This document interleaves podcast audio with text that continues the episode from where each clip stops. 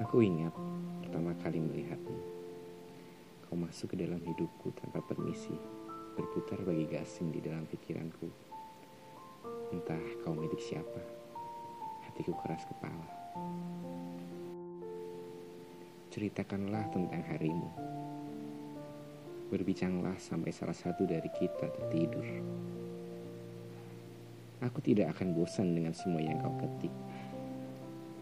Betapa sering aku menduga-duga Adakah kode yang tersirat dalam kolom chat kita. Aku tidak mau lagi berdrama Tapi aku tidak bisa mengeluarkanmu dari kepalaku Aku tergila-gila hingga tak tahu lagi mesti berbuat apa. Ini semacam hasrat purba Yang lebih tua dari manusia. Jika kau percaya akan jodoh Mungkin ini adalah contohnya. Dan aku tidak berbicara perihal parasmu.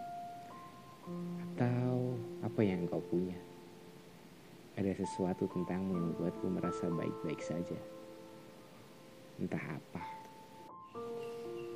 Kau selalu mampu membuatku jujur mengenai segala hal. Kecuali satu. Perasaanku. Andai saja aku mampu memberitahumu tapi aku terlalu takut akan reaksimu yang tidak sesuai dengan imajinasiku selama ini. Bukankah fiksi lebih menyenabubukkan dibandingkan kenyataan? Bukankah kita adalah dua orang yang terlanjur menikmati berkubang dalam zona pertemanan?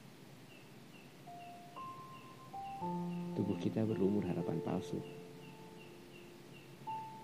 tanganku menggapai-gapai mencari jalan keluar. Sementara tanganmu mencegahku ke mana-mana. Tunggu sebentar. Izinkan aku keluar dari zona pertemanan kita untuk sejenak. Akan kutunjukkan padamu sebuah gerbang menuju dunia paralel. Mari, ikut aku ke sana. Di dunia paralel, aku tidak perlu lagi repot-repot menyatakan apa pun.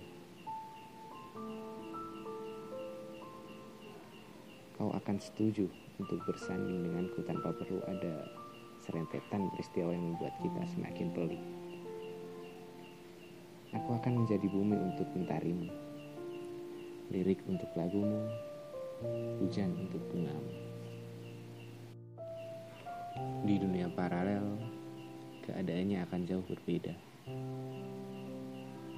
Walau begitu, kau tahu, aku akan tetap menjadi orang yang sama, yang merindukanmu dengan sederhana, mengejarmu dengan wajar, menyayangimu dengan luar biasa, dan menyakitimu dengan mustahil.